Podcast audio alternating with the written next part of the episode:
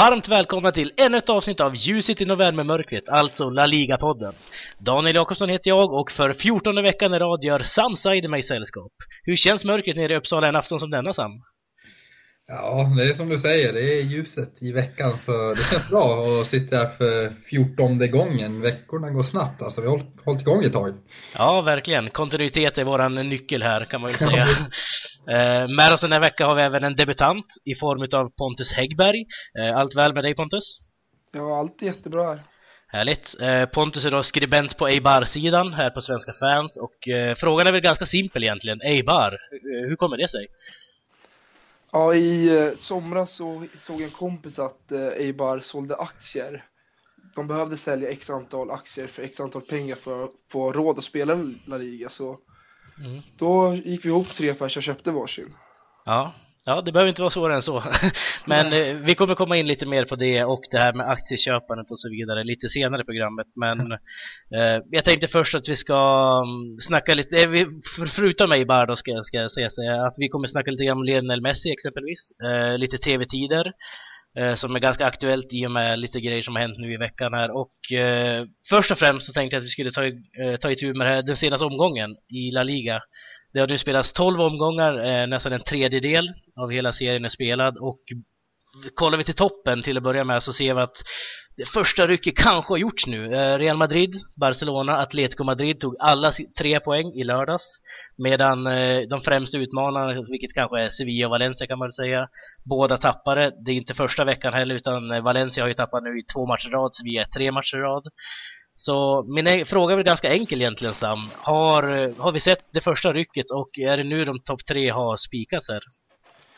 Ja, både ja och nej. Jag skulle säga ja, för att det är väl det här vi förväntar oss lite att, att den här trion ska slåss om titeln, även om Real Madrid ser ohyggligt starka ut för tillfället. Jag undrar inte om de kanske är en klass för sig just nu. Mm. Eh, men eh, ja, det, kanske. I och med hur resultaten blev så känns det som ett litet ryck. Och eh, jag, jag tror, jag hade hoppats lite mer på Valencia. Det, det kändes som att de skulle vara med på allvar. Så då behöver man ta poäng i sådana matcher som mot Levante borta, de här lite små knepiga bortamatcherna. Nu är det här till och med ett derby. Så att, um, på något vis så blev det ju inte bara resultatmässigt ett ryck utan också så här, någon slags mentalt ryck. Ja, precis. Och det är ju en... Eh, Valencia brukar faktiskt rent historiskt ha väldigt svårt mot Levante borta också. Men det är ändå sådana matcher man, som du säger, man måste faktiskt gå in och vinna dem där för att kunna utmana de tre otroligt starka lagen vi har i den här ligan faktiskt. Eh, vad säger du om hela den här toppstriden här nu, Pontus? Eh, jag tror ju att de har ryckt ordentligt nu. Men eh, Valencia Sevilla har inte tillräckligt mycket kvalitet för att utmana egentligen, tycker jag. Nej. Eh, hur tänkte du där? Men eh, man ser ju Real spel till exempel, de krossar ju nästan allt motstånd de möter med stora siffror. Samma som i Barcelona, vi såg de vann med Sevilla med, vad blev det? Uh, blev 5-1. 5-1 5-1, ja mot Sevilla som ska vara en toppkandidat så. Mm. Det är ju mm. väldigt stor klasskillnad mellan lagen.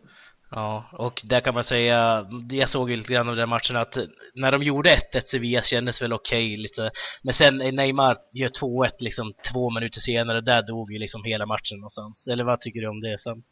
Ja, det, jag håller med där. Sevilla kändes lite tama, lite överraskande, överraskande måste jag säga. Jag hade förväntat mig mer och speciellt när man får 1-1 där tidigt i andra halvlek. Då, ja, var lite för enkelt och det kändes aldrig riktigt så här farligt.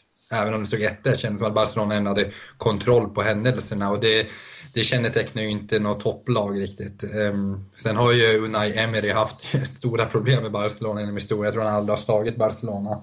Mm. Så det fanns väl något mentalt spöke där också. Men ja, jag, jag räknar inte Sevilla som en, liksom, en titelutmanare riktigt, men Valencia däremot, där hade jag fått upp lite förhoppning i och med den här, liksom att hela klubben som vi var inne på för någon podcast har fått ett riktigt lyft i och med hur den sköts nu och många nya intressanta spelare.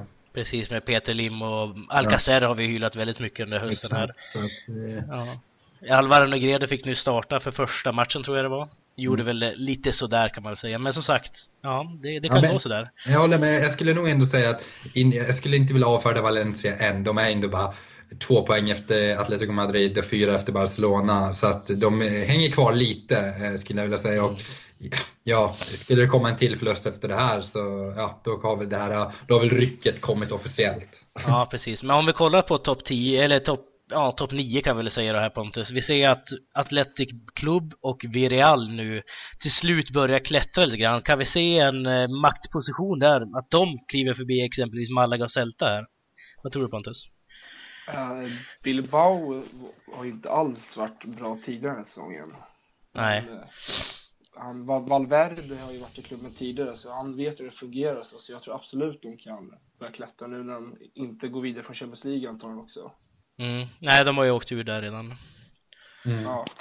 Uh, man har alltså fem matcher i rad utan förlust nu, Atletic. Och vi, det, var ju, hur länge, det var inte så länge sedan vi satt och ifrågasatte de här. Men kolla hur det går för dem nu, liksom, Atletic. Ja, nej men jag, jag tror, jag, jag, jag tror Atletic kommer börja klättra mer och mer faktiskt. Och eh, jag tror i slutändan så tror jag till och med Bilbao kommer slåss om en Champions League-plats. Det är jag mm. helt övertygad om att de kommer göra. Och nu eh, kommer man med 3-1 eh, vinst mot Espanyol och man, ja, man har fått lite vind i seglen så att det ser bra ut. Det ser bra ut. Det ska bli intressant att följa. Det var lite synd bara att, de, att den här formen, den här formdippen kom i och med CL-spelet. Vi hade ju velat se att de går vidare där till och med. Precis, man får ju dock räkna in att alltså, de kryssar här mot Valencia borta, vilket är jättestarkt tycker jag, och slår Sevilla hemma, så att de är verkligen på gång här som ja. vi säger. Men om vi ska gå vidare då, i ett annat basketslag så hittar vi nu mer en skotte i form av David Moyes. Förra veckan så snackade vi väldigt mycket om det här att hans inträde kan göra stor effekt och så, och så vidare i Real Sociedad. Nu fick vi se hans första match borta på Riazor, ett väldigt regnigt Riazor mot Deportivo. Vad såg du den här matchen Pontus? Nej, det gjorde jag inte. Men Nej. Eh, jag såg eh, lite höjdpunkter så på internet efter. Mm. Vad, vad tyckte du om det du såg då? David Moyes, han har ju strukturerat upp defensiven. Det är väl hans största mål att göra där i Sociedad och det såg ändå rätt så bra ut. Mm. Ja, det, jag, jag, såg ju matchen då, i, i och med att Deportivo är mitt lag framförallt då. Och eh, det jag kunde se att Mois första halvlek var faktiskt ganska bra för Sociedad. Andra halvleken så tar ju Deportiva över ganska rejält. Men visst, det är ju defensiven han prioriterar och det märker man tydligt här. Men Finn Bogason fortfarande på bänken. Ja, jag vet inte. Vad tycker du om hans eh, debut Sam? Ja, det är väl som man hade förväntat sig. Han ska ju kliva in här och styra upp defensivet, vilket resultatet talar för sig. Man släpper inte in något mål. Eh, sen så är det väl eh, balansgång där om det är eh, offensiven som inte stämmer eller om man möter tyvärr tråkdeppor. så roliga matcher. Hallå där. Nej men eh, skämt åsido så eh, ja, det är en stabil liksom, eh, defensiv som kännetecknar Moyes och eh, jag, jag, tror att liksom, anfallsspelet kommer komma sakta med Agreche och Preto där uppe. Så att, eh, äh, jag tror Sociedad kommer också börja klättra. De här baskerna, baskiska lagen har bara underpresterat än så länge. Det är väl bara Ibar som har övertygat. Eh, ja, det kan man faktiskt säga och det kommer vi komma in på här om en stund. Men eh, kul att se Carlos Martinez igen tycker jag, högerbacken i Sociedad som är väldigt underskattad faktiskt. Men det har ju gått lite halvtaskigt för honom har vi varit inne på förut. Men eh, som sagt, eh, Jagoba Arasate fick alltså sparken för några veckor sedan. Han är den senaste på sparken. Moise ersatte alltså honom. Om vi rent spontant ska sia lite i den här ligan, vem tror vi ryker härnäst Pontus? Oj, um... Det är en svår fråga, jag vet faktiskt inte. Nej. Jag har eh... jättebra koll på tränarna i La Liga. Så. Nej, om vi vänder oss till dig då Sam, vad tror du? Um, ja, det är en bra fråga, men uh, fasen, uh, jag som har hyllat Caparosso börjar ju kanske hänga lite lös nu kan man ju känna rent spontant här. Eh, har, ju inte, har ju verkligen dalat efter våra hyllningar och jinxat sönder honom lite. Ja, absolut. Eh, sen så, ja, det är väl, jag skulle säga Caparros skulle väl eh, var Cordoba har ju precis fått en ny tränare så att mm. där måste man ju mer ge tydlig Djukic och Ja, Absolut. men Caparros eller kanske, ja, jag skulle vilja säga Caparros hänger lite löst. Ja, men å andra sidan så är det ju en gammal räv så att jag tror han kommer ha många, många chanser. Liksom. Ja, men ser man till Granada överhuvudtaget, alltså sex mål på elva matcher är ju inte okej okay, alltså. Det är riktigt illa. Eh, Minst hela ligan. Men det är som sagt, han, han prioriterar sin defensiv där. Men nu har han ju, i början gick det ju bra. Då var man ju obesegrade fyra matcher, men nu har man liksom kvaliteter. Sen skulle jag vilja säga att eh, Sergio, gamla mittfältaren i Deportivo som numera är tränare för Espanyol, kan sitta lite löst. Mm. Det går ju lite så där och Francisco, den ganska gamla spelaren för Almeria, är väl inte helt säker heller. Men som sagt. Djukic lär man inte sparka. Nej, men Djukic vi säkert även om Cordoba ligger sist, men Mm. eh, Almeria, ja, nej, jag håller Francisco, med. ja. Ja, Francisco i Almeria har väl kanske inte, ja, och väl kanske, hänger väl lite löst, borde han göra i alla fall. Det har också börjat bedrövligt, men eh, nej, Caparrosso skulle jag ändå vilja säga som nummer ett här. Alltså, det, målproduktionen är verkligen under all kritik där. Och det är inte bara det, defensiven som vi hyllade så, så mycket, den har ju bara fallerat totalt. Och sen så offensiven har ju redan har lyst med sin frånvaro hela säsongen. Så att allt är ju dåligt nu. Ja, precis. En riktig ödesmatch kan man väl säga som spelas just nu medan vi håller på att spela in här. Det är alltså Granada mot just Almeria. Vilket är Ja, eh, precis. Jag, tror, jag skulle precis säga det, att jag tror den matchen kommer att avgöra vem som hänger med. Ja, absolut. Ehm, den matchen står för övrigt 0-0 när vi just nu sänder. Men eh, vi ska faktiskt sätta stopp för del 1 här och när vi är tillbaka ska vi fokusera lite grann på Eibar faktiskt.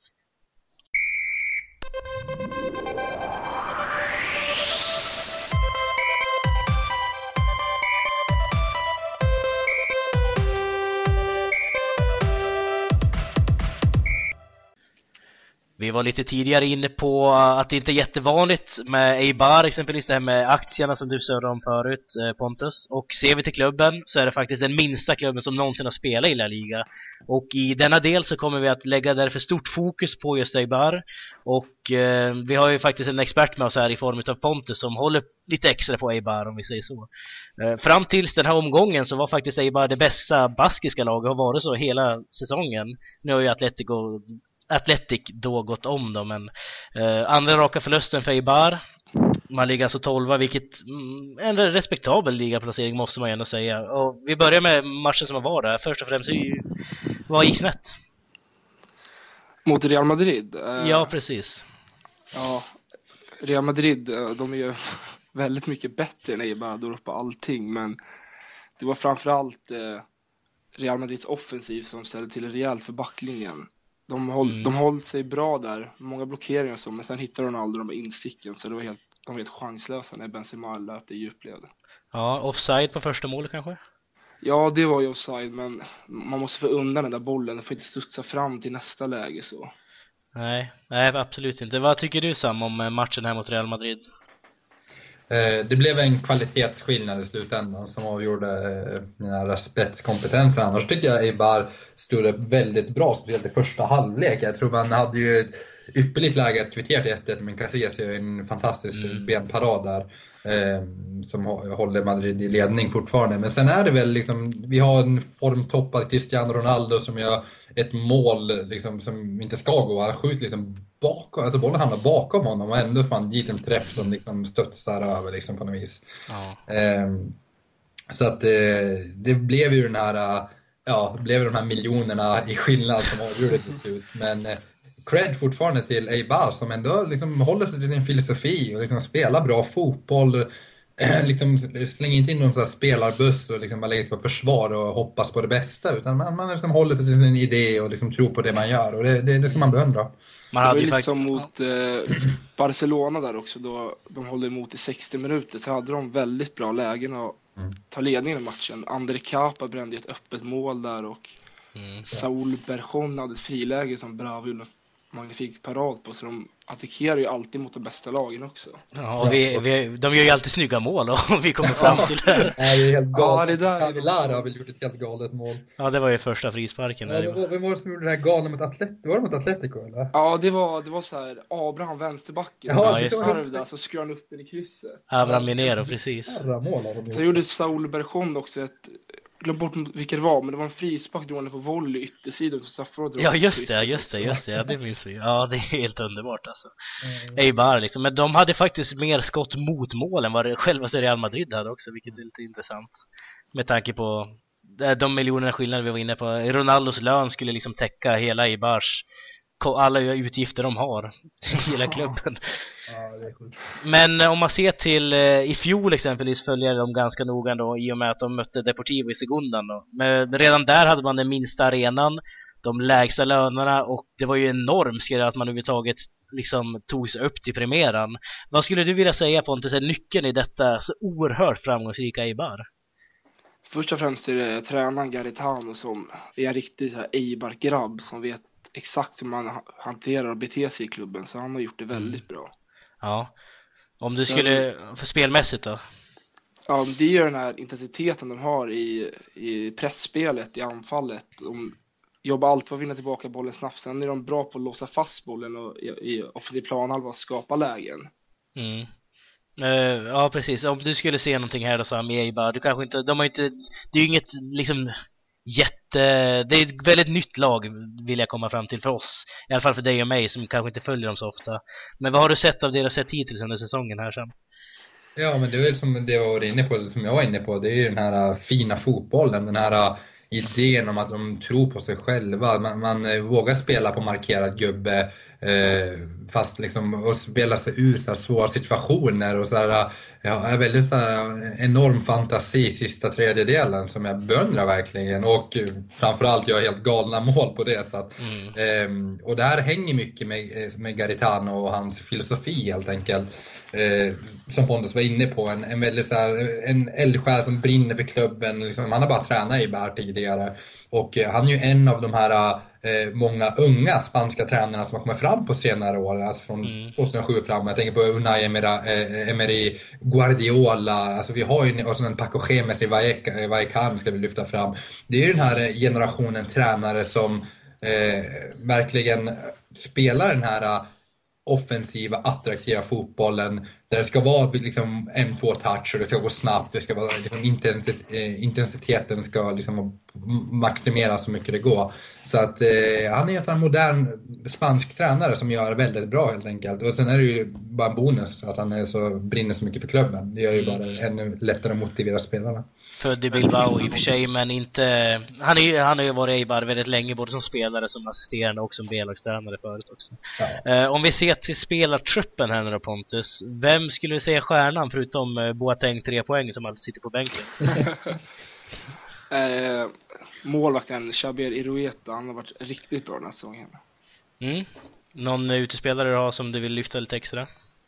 Det skulle vara eller assisterande kaptenen John Erasti på defensiva mittfältet som kamperar ihop med Dani Garcia. De två spelar väldigt bra tillsammans och bollvinner båda två. Mm. Det här är ju väldigt må- säkert många nya namn för många som lyssnar här. Det är ju inte direkt de kändaste spelarna vi har att jobba med.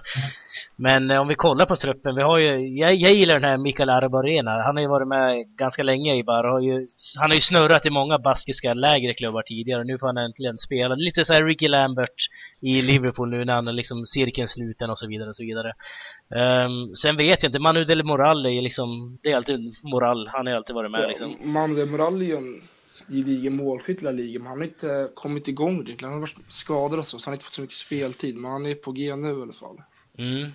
Ja, precis. Han brukar ju ligga runt 10 mål ungefär per säsong. Men det var ju i och för sig i Sevilla och Getafe. Det är kanske lite annat här i Eibar, tänker jag. Men eh, jag kan se också, jag vet inte vad vi har mer. Abrad Minero, men det var väl i Barcelona B han var någon gång. För länge Didac sedan. Vila tog de in här i slutet på sommaren. Gammal eh, Espanyol och Milan vänsterback. Ja, just det. Ja. Han har inte fått, han har inte fått någon speltid alls. Nej, men han är väl skadad nu också, så vitt jag Ja, vet. han har haft problem så blev han skadad ordentligt nu igen. Ja, men eh, hur långt tror vi rent generellt att Eibar kan gå i år då Sam? Vad, vad, vad tror vi om det här laget som de bygger nu, Garitano? Eh, ja, alltså bara tittar vi på inledningen av säsongen så har de ju har de ju överraskat stort. Så att jag, jag ser inget slut på den här framgångssagan. Jag tror de har stora möjligheter att hålla sig kvar, för det är det som, som bör vara målet den första säsongen i La Liga. Eh, och sen så är det så många så här spelare som du försöker lyfta fram här nu som har överraskat och visat vilken kvalitet de besitter. Jag är ju väldigt förkyld i Saul Bergeron som jag tycker har gjort det jättebra. Egentligen är ju kanske de mest namnkunniga spelare, spelarna i det här laget, det är väl kanske Boateng och Manu Del Moral. Och de spelar ju knappt, så att, eller inte än så länge i alla fall. Ehm, Så att det, känns som att det, de spelarna här är lite underskattade, fast de besitter stor kvalitet. Ehm, Så att jag, jag tror de har stora möjligheter och med, med, med liksom den här fantastiska, vad tar arenan in, 8000? Ja, Eh, 5000. Fem- Ja, 5,3 typ. Med, med den eh, liksom härliga publiken och det är lite tufft att komma till Eibar så tror jag det kan bli svårt att ta tre poäng där uppe liksom. Mm, verkligen. Ronaldo fick ju verkligen känna på det i helgen som var här också när han var hånad minst sagt. Um, Eibar annars ganska kul ändå i premiären i La Liga. De, det är första gången de är i La Liga för, eh, för övrigt. Men eh, de slår alltså Real Sociedad som alltså är så enormt mycket större i basken. Alltså med 1-0 i premiären, det var ju ganska anmärkningsvärt måste man ju säga. Och så 0-0 borta mot Atletic. Så att ja, det är kul med sådana här lagen som dyker upp från ingenstans. Men hur långt tror du att de kan gå Pontus, Eibar? Eh, jag tror de stannar kvar och det är också det officiella målet de har ställt ut. Men just nu verkar det verkligen som de kommer göra det. Mm, även fast man är aktieägt av eh, till exempel dig. ja, men eh, det är det är, det är många kineser och amerikaner som har köpt aktier också så ja. det är inte bara Men du kanske kan berätta lite grann lite kort om det här med aktierna här? Ja, Varför då, och så vidare? Ja, vi, hade ju, vi, satt, vi satt och kollade på fotboll i somras, VM, Holland-Costa Rica, så gick min mm. kompis då in på Twitter, såg att Johanna Gård hade twittrat om att eh, Eibar säljer ut aktier för att, kom, för att klara sig kvar, eller för, för att få gå upp i La Liga. Mm. Och då satt vi där, hade lite tråkigt. Matchen var inte så rolig, tänkte vi fan, det skulle vara kul att göra. Ja, men vad, vad, vad är anledningen till att de behövde sälja sina aktier här då? Det var ju något, det var ju där med, de hade inte tillräckligt mycket pengar, de omsatte inte tillräckligt mycket pengar för att spela i La Liga. Nej, precis. Nej, de, det, var ju, det var ingen skuldsatt klubb heller vi har att göra här utan Eibar är ju fint skött liksom. De eh, slösar ju inte pengar i onödan direkt. Men... Nej, det är presidenten Alex Arenciabals eh, förtjänst då. Han är väldigt bra affärsman. Han har ju sagt det att vi kommer inte spendera om vi inte hittar spelare som kommer passa in i truppen och passa in i staden. Nej, precis. Skulle du kunna tänka dig samma att köpa aktier i ditt Barcelona? ja, jag vet inte. Jo, skulle det behövas så kanske man måste visa lite liksom, solidaritet. Ja, det lär väl inte behövas i det här fallet skulle visa. Nej, inte i Barcelonas fall. Det är ju väldigt medlemsstyrt annars, men inte av mig tyvärr. Nej, uh, vi ska faktiskt gå in lite grann på Barcelona, därför vi ska sätta stopp på, för del två här och när vi är tillbaka snackar vi lite Messi.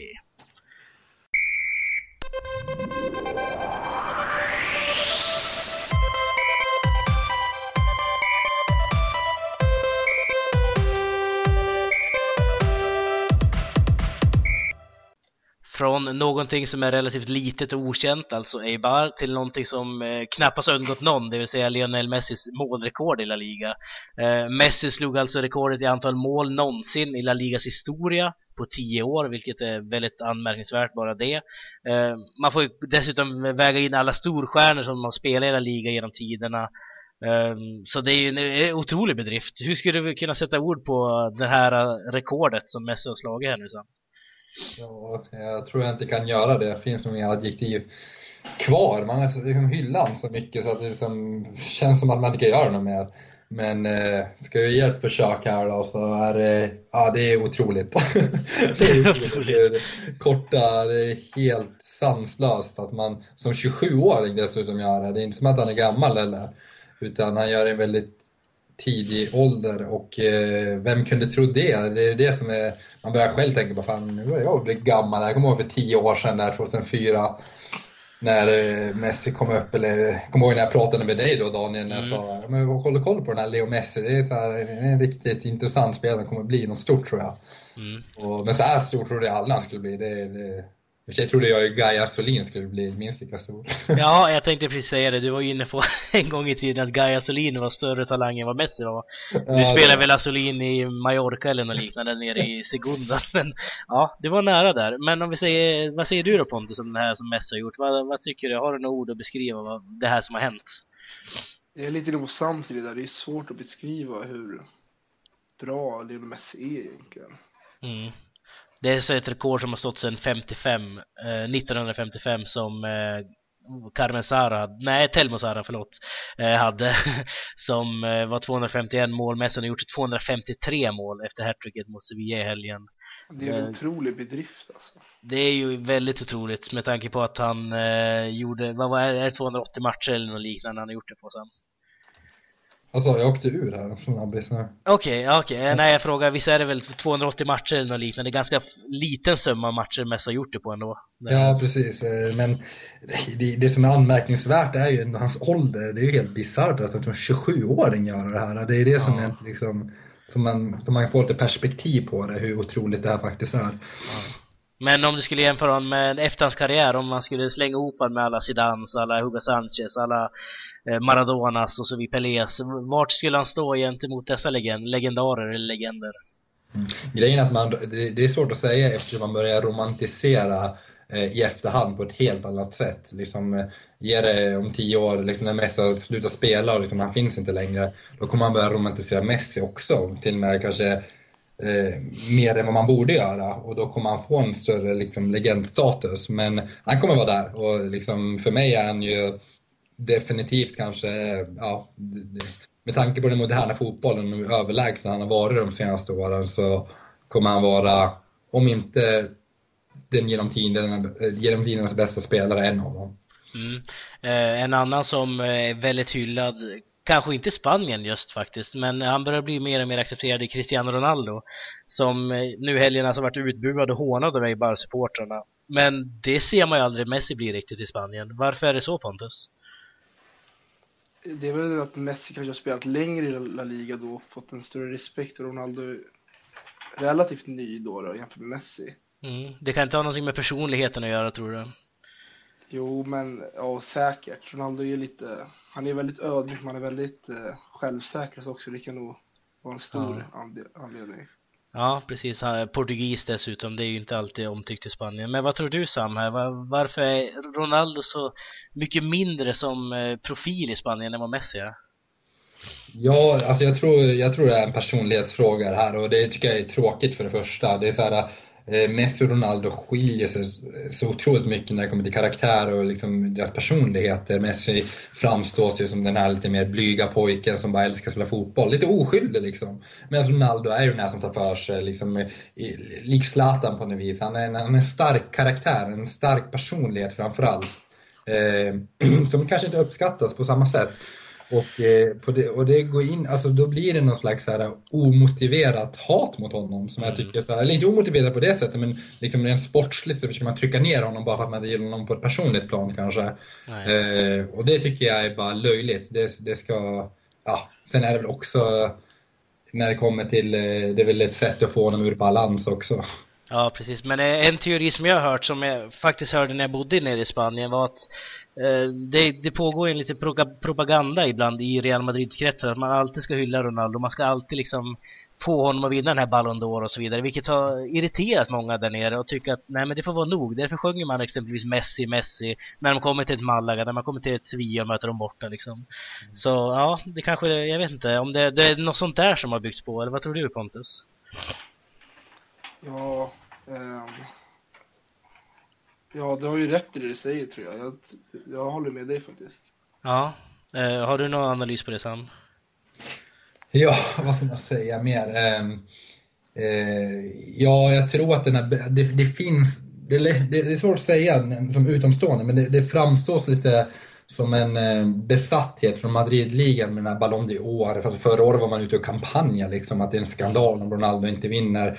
Eh, och liksom, eh, det är lite grann så nu också måste man ju säga. Nu också är det så. Det, det, har inte varit likadant när det kommer till Messi utan liksom, det är liksom, man gör ingen stor grej av det på samma sätt. Sen så är det säkert, tror jag, att det är jätteviktigt för Messi själv att han vill jättegärna vinna den. Det tror jag också många kamrater och klubben vill också det. Men det är ju så här smutskastningen som Real har hållit på med i många år, som dels har med Mourinho att göra, med Peres att göra, liksom att man börjar smutskasta dels Barcelona på ett, på ett väldigt oförskämt sätt och för att liksom lyfta fram sina egna spelare och man gör allt liksom för, att, liksom för att vara den här bästa klubben och det tror jag liksom ut, utifrån så framstår det lite smutsigt och lite fult.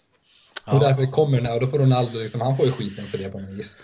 Eh, men med det sagt så skulle jag ändå vilja säga att Ronaldo, jag tror inte han är någon sån här douchebag liksom som det verkar, utan jag tror han är väldigt, liksom, han, han är så otroligt professionell. Jag beundrar Ronaldo snarare på många sätt. Mm. Den här, liksom, han är ju mer professionell än vad Messi är skulle jag vilja säga. Bara kolla hans motivation, hur han tränar, hans kostprogram. Liksom. Det, liksom, det är en väldigt, väldigt stark liksom, produkt vi har fått fram här. Liksom, en träningsprodukt som är fantastisk att skåda.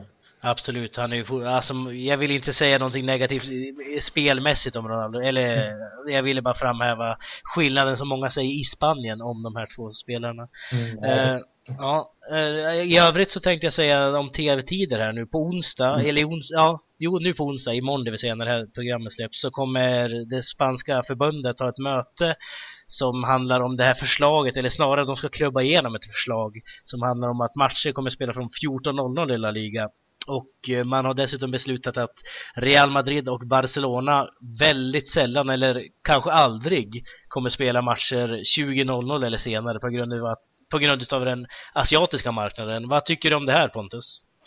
Jag tycker det är väldigt tråkigt för de som följer andra ligor också, till exempel Premier League, så de matcherna kommer krocka. Mm. Precis, det, det kan ju mycket väl bli så om de slänger en match 14-0, vilket annars brukar vara eh, Premier League signum när det gäller lördagsmatcherna 13.45 brukar de ha. Vad tycker du om det här Sam? Ja, alltså det är tråkigt för oss liksom. Det blir inte lika roligt att slå på den här lördags, eh, eller gå till det här lördagshänget och se, ha en sån här ren fotbollsstad, liksom fotboll efter fotboll, utan nu, nu finns det en risk att det krockar. Men å andra sidan så är ju det här som jag varit inne på så många gånger, marknaden, den moderna fotbollen, globaliseringen, allt det här liksom.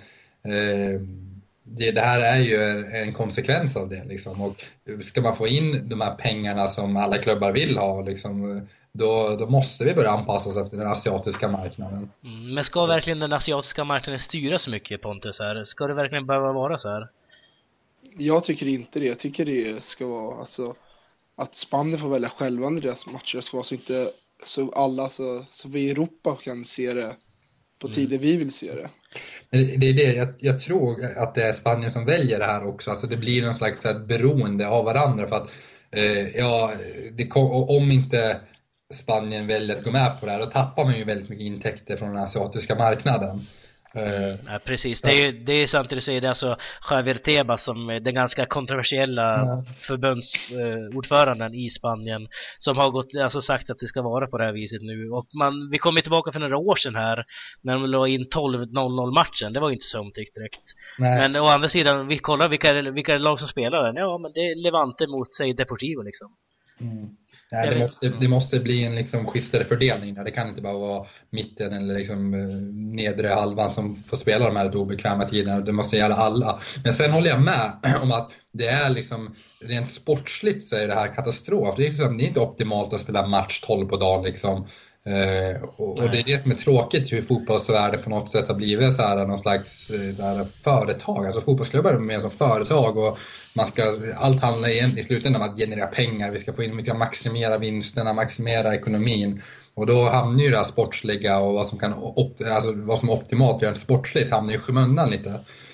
Och det tycker jag är tråkigt och av den anledningen så så kan jag förstå att, liksom, att man blir så lite, ah, fasen ska asiatiska marknaden hålla på att förstöra våra tv-tider igen. Mm, Men eh, å andra sidan så vill vi ha in pengar, vi vill liksom fortsätta hänga med i den här globala utvecklingen. Så ja. att, eh, ja, jag vet inte, det är en svår fråga. Absolut, och Tebas och LFP brukar väldigt ofta kolla på just Premier League där de drar in så oerhörda tv-intäkter. Där har man då alltså alltid ett topplag som spelar 13.45, alltid minst ett topplag som spelar 16 och ett som spelar 18.30. Så det är visst, man, man kollar lite grann på det där och man kommer säkert jobbigt över det. Jag tror säkert att ett Real Madrid och Barcelona i framtiden kommer behöva spela de här 12-0-0, 14-0-0 bara för att få in de här intäkterna som de söker efter nu. Exakt. Eh, men vi har faktiskt nått änden av detta program och, eh, men innan vi avslutar, förlåt, så ska ju Sam såklart berätta om veckans Hockey och veckans förbär. Ja, just det. Eh, veckans Tokiero är väl ganska uppenbart känner jag. Det går till hela föreningen Rayo Vallecano som har hjälpt stackars Carmen, 85 år, eh, ja, som blev faktiskt utslängd på gatan, vräkt. Så då gjorde de en insats där solidariskt och eh, ett exempel hur politik och fotboll faktiskt hör ihop, som ja, jag var inne på tidigare. Exakt. Och eh. hjälpte Carmen och nej, det är otroligt stort, även om det liksom, den ekonomiska krisen har slagit hårt mot Spanien, men här visar man eh, prov på solidaritet och det är inte överraskande att det kommer från en lite mer solidarisk vänsterpräglad klubb som Rayo. Ja, okej. Okay. Kom in på lite politik där. Men eh, vad säger vi? Ja, visst Rayo, var hon supporter av Rayo och Carmen här? Framgår det? Oklart. Jag såg en bild av men du hade någon sån här Rayo-tröja på sig. Men hon, hon, hon verkar vara en sån här hon håller förmodligen på Rayo för hon har bott i Vallecas hela sitt liv, typ i 50 år eller någonting. Så att hon är ju lokalbo, så är det klart hon med all sannolikhet håller på Vallecano också, speciellt nu. Ja, precis. Sitter på väggen varje helg såklart. Ja. Eh, Men vad har vi annars då? Veckans eh, favbär? Veckans favbär är, ja den, den går faktiskt till eh, en deltagare i Eurotalk eh, vid namn Hessi Mocka som jag kikade på. Jag som alltid älskar Eurotalk, som liksom alltid var så här måndagsnöje, jag blev så här lite besviken att eh, den att Hessimokka kan sitta där och liksom uh, hålla så låg nivå när man ska prata om Ballon d'Or och liksom komma in och prata om Messi som dvärg. Alltså det, det är inte Eurotalk-nivå. Det, det, är så lite tråkigt och man tappar lite respekten för Eurotalk tyvärr. Mm. Uh, och liksom Kristoffer Kviborg som, som också är ett Real Madrid-fan här, han, han håller ju ändå, liksom, försöker ha lite, lite mer objektiv synvinkel. Och, eh, men det här var ju helt bisarrt, liksom, att det går, ska gå till så här personangrepp och så här, Nu var det förmodligen med liksom lite skämt i det, men ändå. Det är för dåligt, det är för dåligt. Mm, så veckans Faubert går till Hessi Mocka. Mm, precis, showtime som man kallas. Ja. Men eh, vad tycker du om listan Pontus? Eh, känns det okej? Okay? Ja, den känns, eh, känns bra, speciellt med Rayo, det var ju väldigt snällt av dem.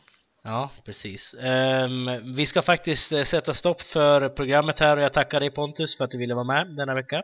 Tack själv. Uh, det var jättekul att du ville sitta med oss och surra lite grann. Vi andra, vi hörs om en vecka såklart. Och uh, ja, tack för oss. Tack, tack. Tack.